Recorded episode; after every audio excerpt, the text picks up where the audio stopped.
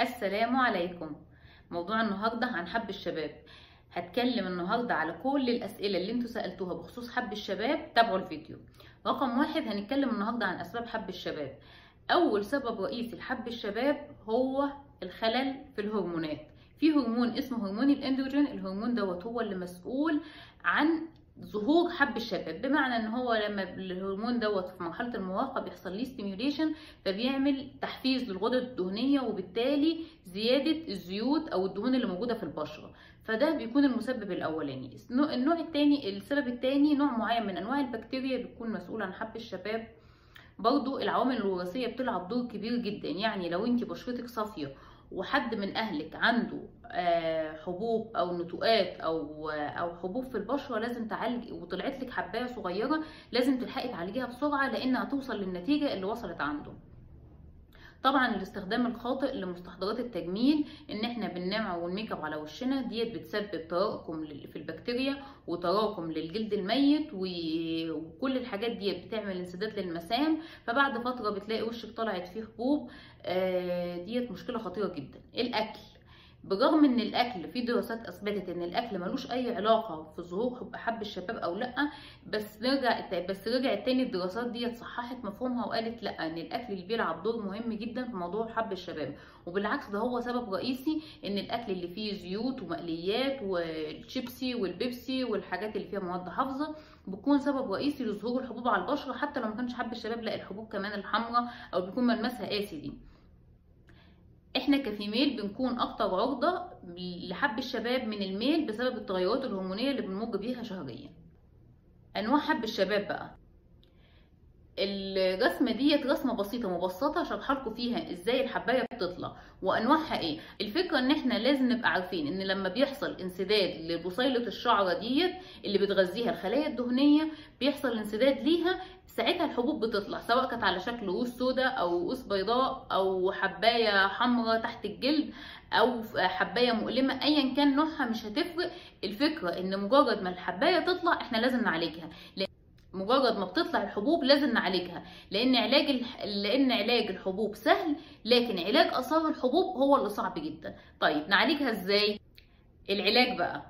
أول حاجة لازم نعرفها إن مفيش حاجة اسمها إن أنا عايزة العلاج دلوقتي حالا. العلاج أقل حاجة بياخدها 3 شهور. فلازم نمشي على course العلاج الثلاث شهور بانتظام وفي المواعيد بتاعتها بالظبط.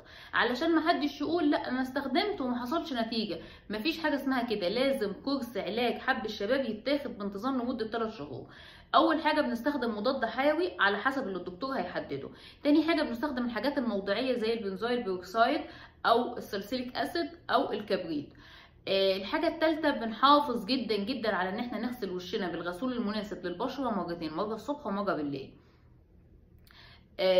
ده بالنسبة للعلاج في الفترة يعني أول ما بتظهر الحبوب طيب لو ظهرت عندنا الحبوب وعملت زي حفر كده في الجلد علاجها بيكون إيه؟ طبعا مع كورس العلاج اللي إحنا قلناه الكريم المضاد الحيوي وال... وال... والكريمات أو المسات الموضعية في تقنية اسمها تقنية قطع الندبات. تقنية قطع الندبات ديت عبارة عن إيه؟ عبارة عن نيدلز أو حقنة صغيرة حقنة كده مخصصة بتروحي عند دكتورة الجلديه تدخلها في الجلد وتعمل فك للتشابك اللي سحب الجلد ده لتحت تعمل الحفرة دي في الوش.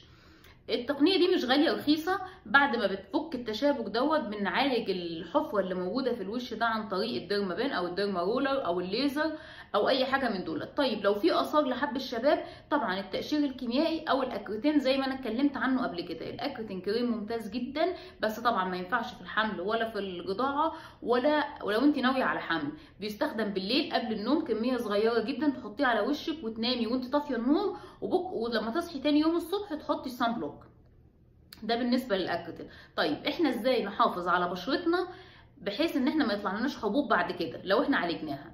رقم واحد شرب مية بكميات كفاية. طول ما انت بترطبي داخلي الترطيب هيطلع عليكي خارجي.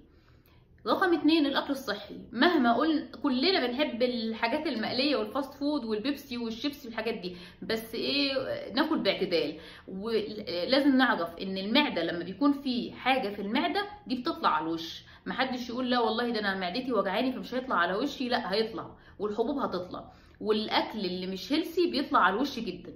آه أنا بقول لكم الكلام ده بس وأنا نفسي إن أنا أبطل الأكل اللي مش healthy ما بقدرش أبطله. طيب غير الأكل الصحي وشرب المية الغسول مرتين في اليوم. غير كده حافظي على ترطيب وشك لو طلعت لك أي حباية ضروري بسرعة جدا تعالجيها. طيب بالنسبة للحبوب اللي بتطلع صغننة ديت أو تطلع حباية بسبب ال period أو بسبب التغيرات الهرمونية نقطة من كريم جراميسين بالليل قبل ما تنامي. بس كده أعتقد إن أنا كفيت ووفيت في موضوع الحبوب. أي سؤال عندكم اكتبوا لي تحت ال post ده الأسئلة اللي أنتوا عايزينها وما تنسوش ال like. bye bye.